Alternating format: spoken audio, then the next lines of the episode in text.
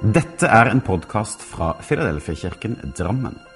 Vi ønsker å være en kirke for alle generasjoner gjennom alle sesonger i livet. Vi håper denne talen vil skape noe godt, og at du kan finne både håp, trøst og styrke i den kristne tro.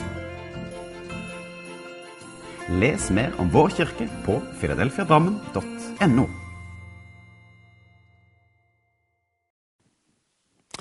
Vi skal lese fra Bibelen.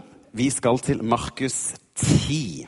Og det er slik at Har du med deg hverdagsbibelen eller hverdagsbibelen på eh, mobilen din, så kan du altså finne fram fra Markus 10. Og Jeg håper at du har skjønt hvorfor jeg setter slike titler som det her. Det handler om at jeg ønsker å gjøre deg nysgjerrig. Hva i all verden er dette for noe? Slik at du tenker Hm, hva er dette? Ryggsmerter. Jeg håper at det er flere som har gått og grunna litt på dette. Markus 10, 17. Der står det. Da Jesus gikk bortover veien, så kom det en ung mann løpende etter dem. Han knelte ned foran Jesus og spurte ham, 'Gode mester, hva må jeg gjøre for å få evig liv?' Jesus han spurte, 'Hvorfor kaller du meg god?' Det er bare én som er god, og det er Gud. Du vet hva budene sier om å leve rett. Du skal ikke ha sex med andre enn den du gifter deg med. Du skal ikke drepe, du skal ikke stjele, du skal ikke lyve, du skal ikke bedra. Og du skal respektere foreldrene dine. Mannen svarte. Mester, alle disse budene har jeg holdt helt siden jeg var ung. Jesus så på mannen med kjærlige øyne. For han elsket ham. Så sa han, du mangler én ting. Gå og selg alt du eier, og gi det til det fattige. Da vil du få en skatt i himmelen. Så må du være villig til å betale prisen det koster å være en kristen, og følge meg dit jeg går. Men disse ordene gjorde mannen trist, for han var veldig rik. Nedslått gikk han bort fra Jesus. Ryggsmerter. Jesus sa da til disiplene sine hvor vanskelig er det ikke for eh, den som er rik og eier mye, å komme inn i Guds rike? Disiplene ble overrasket over disse ordene. Da eh, sa Jesus igjen, kjære venner, er det ikke vanskelig for den som stoler på sin rikdom, å komme inn i Guds rike? Ja, det er faktisk lettere for en kamel å gå gjennom et nåløye enn det er for en rik å komme inn i Guds rike. Ryggsmerter. Denne historien den står både i eh, Markus og i Matteus og i Lukas. Og I Matteus så omtales da denne mannen som både ung og rik. Og Jesus, hans, nei, Lukas sier at denne eh, mannen var altså medlem av det jødiske råd. Og da altså mest sannsynlig en fariseer. Og Nå kommer jeg med en liten parentes her før jeg går videre. med fariseer. Ta med Vi som er kristne i dag, når vi leser om fariseere, vær på vakt. Hvem var fariseerne? Jo, det var de som kunne alt. Det var de som visste alt om Skriften.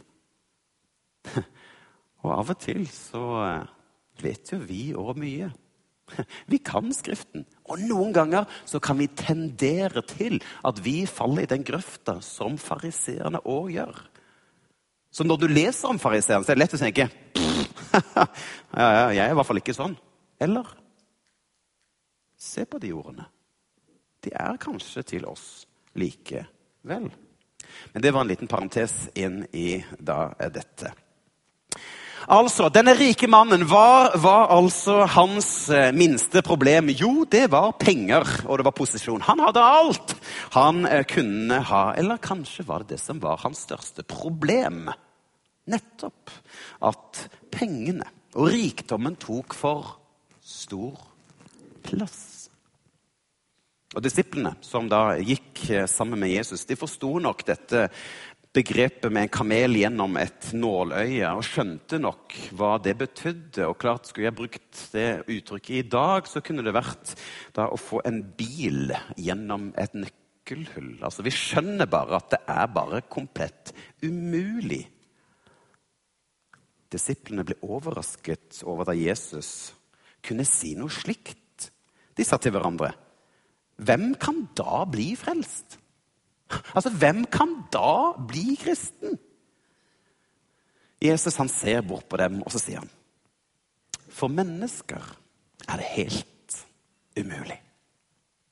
For mennesker er det helt umulig, men for Gud så er ingenting umulig. Så hva er dette for noe? Jo, det handler om at vi er arvinger av Guds rike. Det er ikke noe vi verken kan fortjene oss til eller jobbe oss til eller fikse for at vi skal komme til Gud. Nei. Vi er arvinger. Og det er slik at er du en arving, så får du en arv som da er gratis. Og du, når du tror på Gud, så får du òg en arv. Du får dette gratis. For det handler jo om den kristne frelse. En gave gitt til deg fra Gud. Og du kan si ja, eller du kan si nei. Men Gud står med åpne armer og inviterer deg inn til Gud. Ryggsmerter. Når jeg preker, så er det slik at jeg ønsker å ha ulike perspektiv. Altså Det handler om at jeg ser bibelteksten og så tenker jeg, ok, her er det én sannhet, men det er òg en annen sannhet her. Og så er det en annen sannhet her. Og nå skal jeg ta også se på et litt annet perspektiv.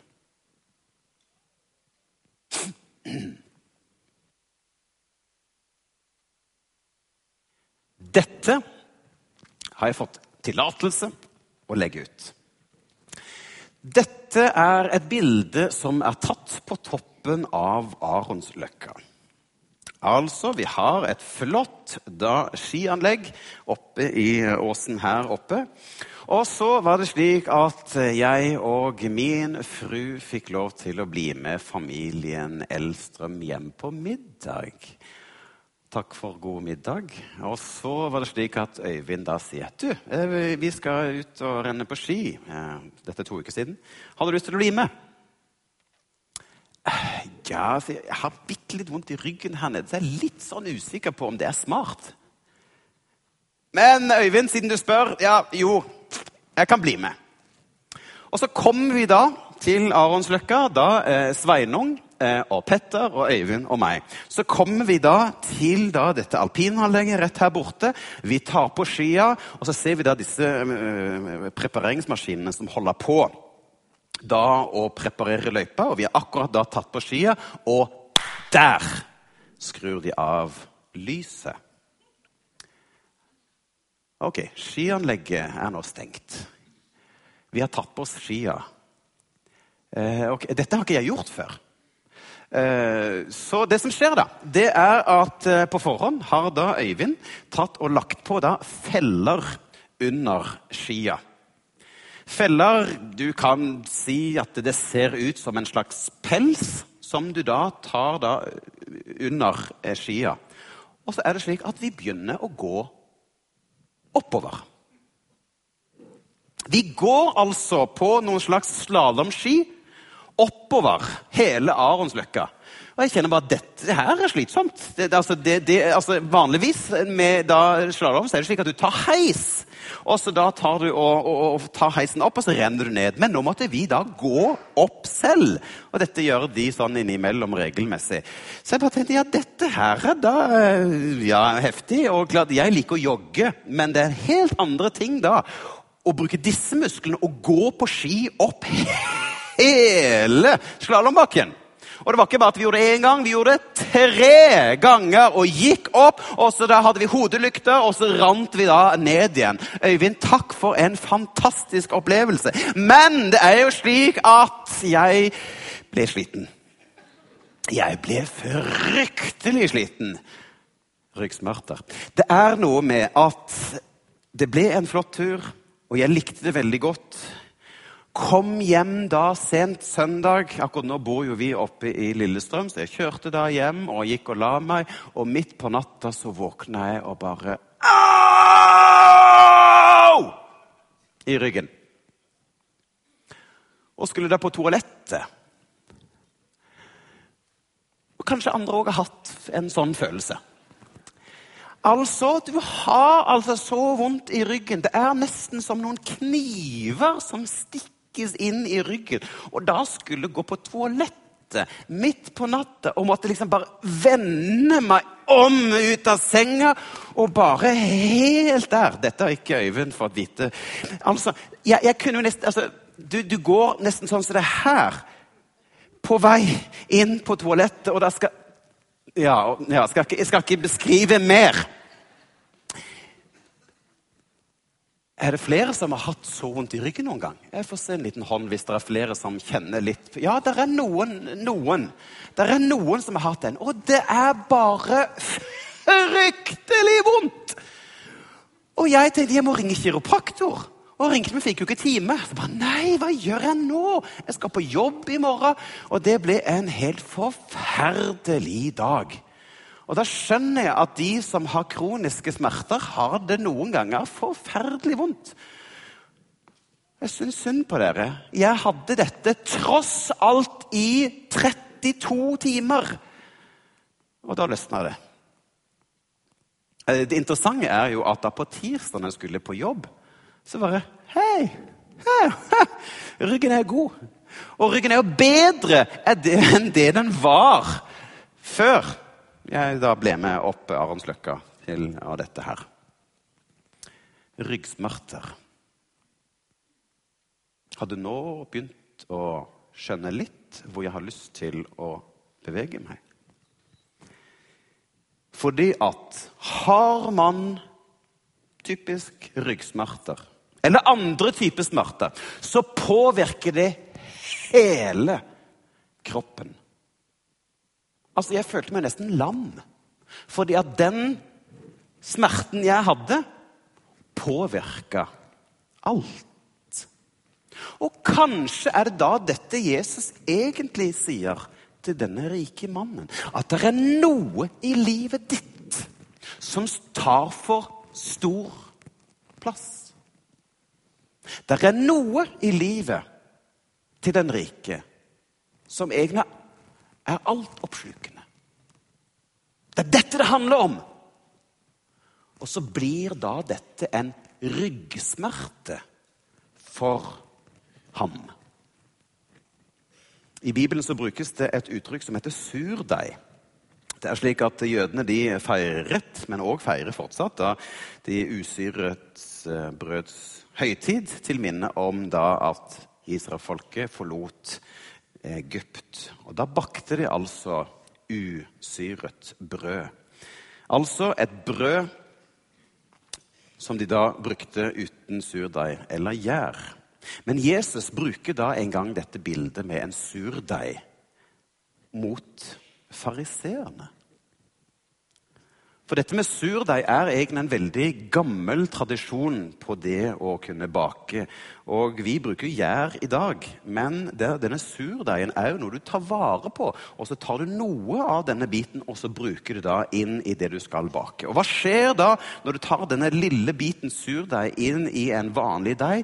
Jo, surdeigen bare påvirker hele deigen. For det er noen enzymer inni der som bare sprer seg i hele deigen. Og I Markus 8 så sier da Jesus om denne farlige surdeigen. Altså, pass dere og hold dere unna fariseernes surdeig og surdeigen til Herodes. Altså, det er noe som er surt, noe som er farlig, men det smitter over.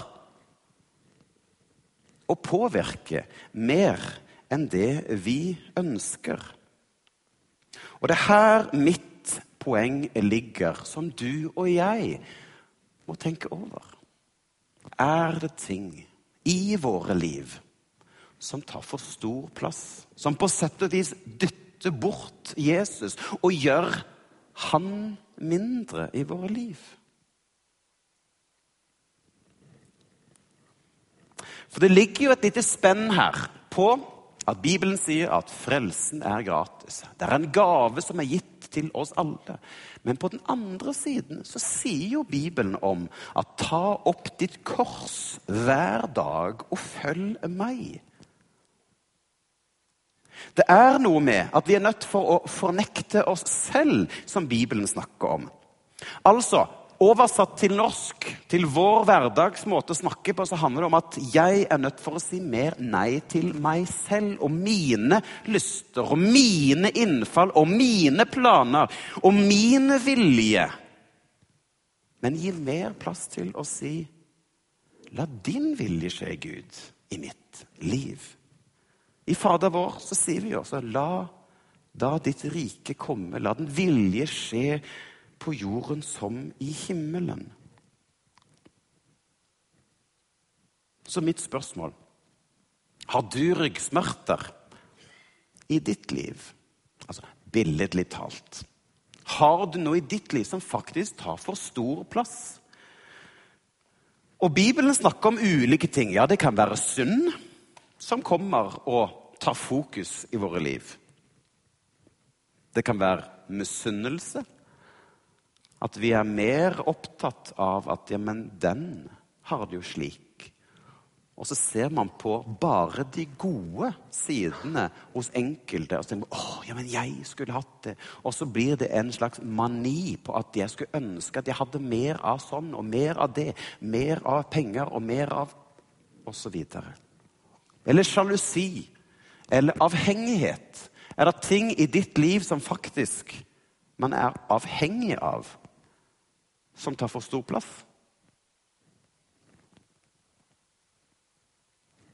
Kan det òg hende at relasjoner kan faktisk ta for stor plass?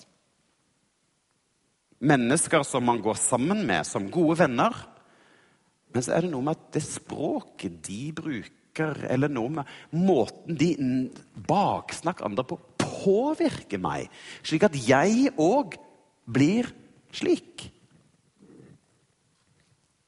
Eller er det hobbyer som faktisk tar så stor plass at på sett og vis så dyttes Jesus bort? Heldigvis så fins nåde.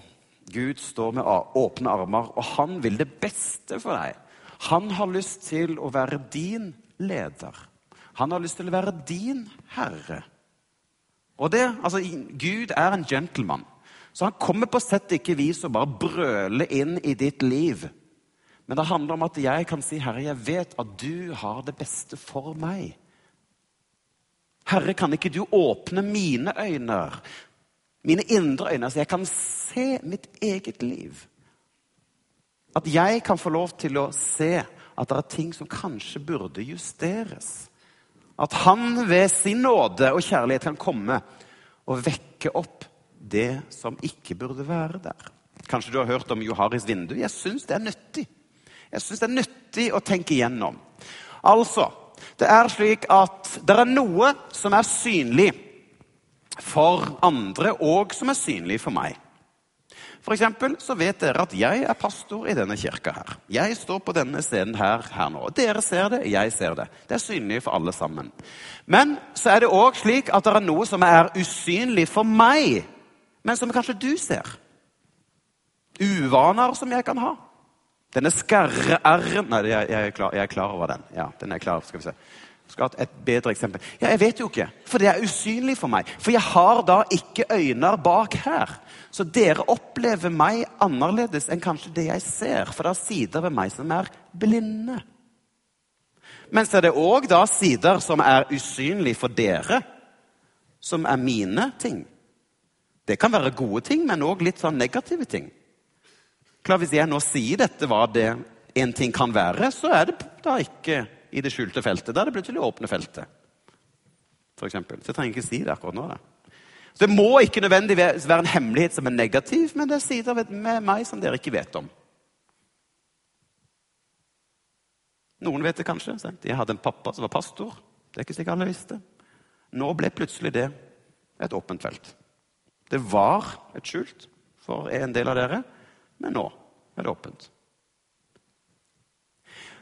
Og så har vi òg dette området som er det ukjente feltet, som dere ikke har sett, eller som jeg selv ikke har sett. Men det jeg tenker vi trenger hjelp til, det er at Gud skal være med å påvirke og lyse opp blinde områder i vårt liv. Men òg komme med sitt lys i dette skjulte området dersom det er av negativ art. At vi kan si, 'Herre, jeg ber om at du skal komme med lys over mitt liv.' Og så skal du hjelpe meg, slik at ved din kraft og kjærlighet så kan du hjelpe meg med en prosess, slik at det som tar for stor plass i mitt liv, det kan du være med å fjerne. Ryggsmerter. Jeg tror at vi trenger å kunne høre ordene som eh, David sier i Salme 139. Ransak mitt hjerte, Gud. Prøv meg, du som kjenner mine tanker. Se om jeg er på den onde vei til fortapelse, og led meg inn på evighetens vei. Altså, Herre, sett lys på mitt liv. Gjennom dine nådefulle og kjærlige øyne.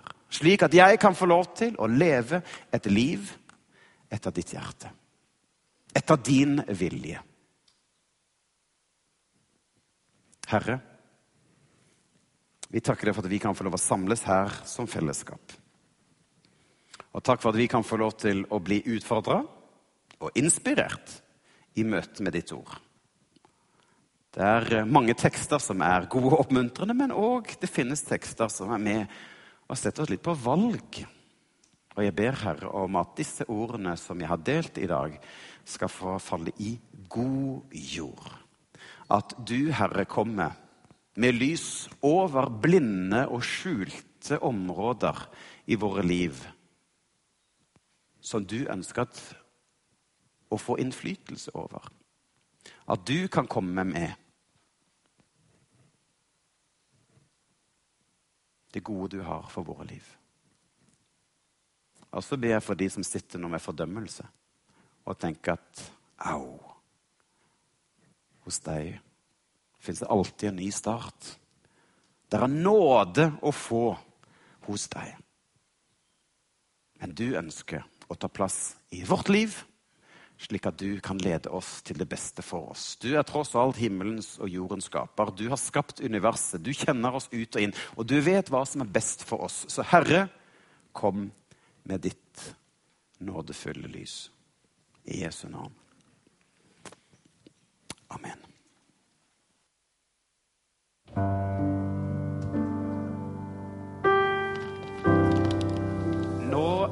Ønsker jeg å få lov til å åpne opp hvis noen har lyst til å eh, komme fram her. Og det er ikke sikkert at det er naturlig for deg å komme fram her, for dette her kan være litt sånn følelsesladet. Man har ikke lyst til å utlevere seg på noen som helst måte. Men eh, jeg har lyst til at ønsker du å komme fram, så er jeg her, og flere av de eldste er her, for å kunne være med og be for deg. Men eh, jeg tenker at du har lov til å kjenne at dette var litt sånn touchy. Altså har du lov til å gå hjem Men jeg vil at du skal ta med deg at hos Gud så er det nåde å få. Gud setter pris på et søndagknust hjerte.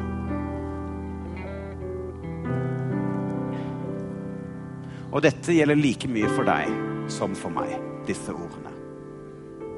Dette er like relevant om du er ny i troen eller fjern fra troen, eller om at du har vandret med Jesus i 30 år.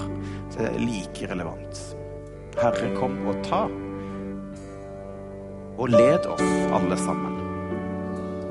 Du skal vite at Gud elsker deg. Han har en god plan for ditt liv og din framtid. Men vi trenger av og til å stoppe opp. Han elsker deg. Håper at du ikke blir tynget, men heller inspirert at Gud kan være hos deg og sette lys på det du trenger. For det er ulikt hos oss alle.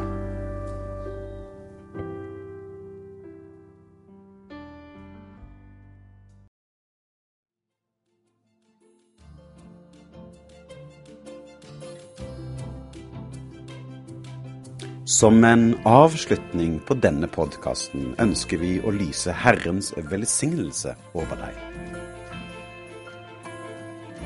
Herren velsigne deg og bevare deg. Herren la sitt ansikt lyse over deg og være deg nådig. Herren løfte sitt åsyn på deg og gi deg fred.